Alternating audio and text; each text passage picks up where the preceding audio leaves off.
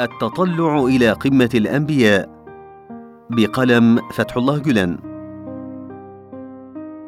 لقد اختص الله الأنبياء بصفات الأتمية والأكملية لأن دينا أكمل وأتم لا يمكن أن يحمله إلا عظماء تشبعوا بصفات الأتمية والأكملية.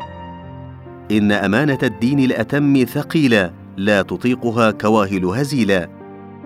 وإذا أراد السالكون في درب الأنبياء أن يكونوا أهلا لحمل أمانة الدين الأتم الأكمل فعليهم أن يكونوا كالأنبياء يتأسوا بهم.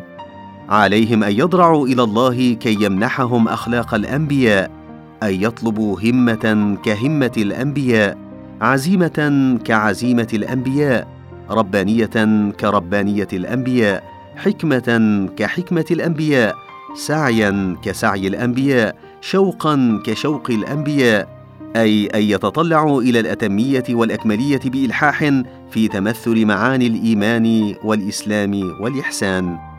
أجل لا يجوز للإنسان أن يطلب النبوة من الله فالنبوة انتهت مع النبي الخاتم عليه الصلاة والسلام لكن يجوز أن يطلب التخلق بأخلاق الأنبياء.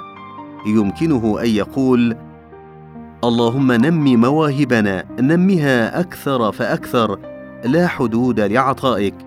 تكرم علينا بقابليات لا نهاية لها. وسع من قابلياتنا على الدوام. ووفقنا إلى تسخيرها في خدمة دينك ورسالة أنبيائك. بالتأكيد إن قاماتنا لا ترقى إلى أن تكون ظلا لتلك القامات السامقة والمقامات السنية التي أحرزوها. ناهيك عن أن تقترب من أصلها.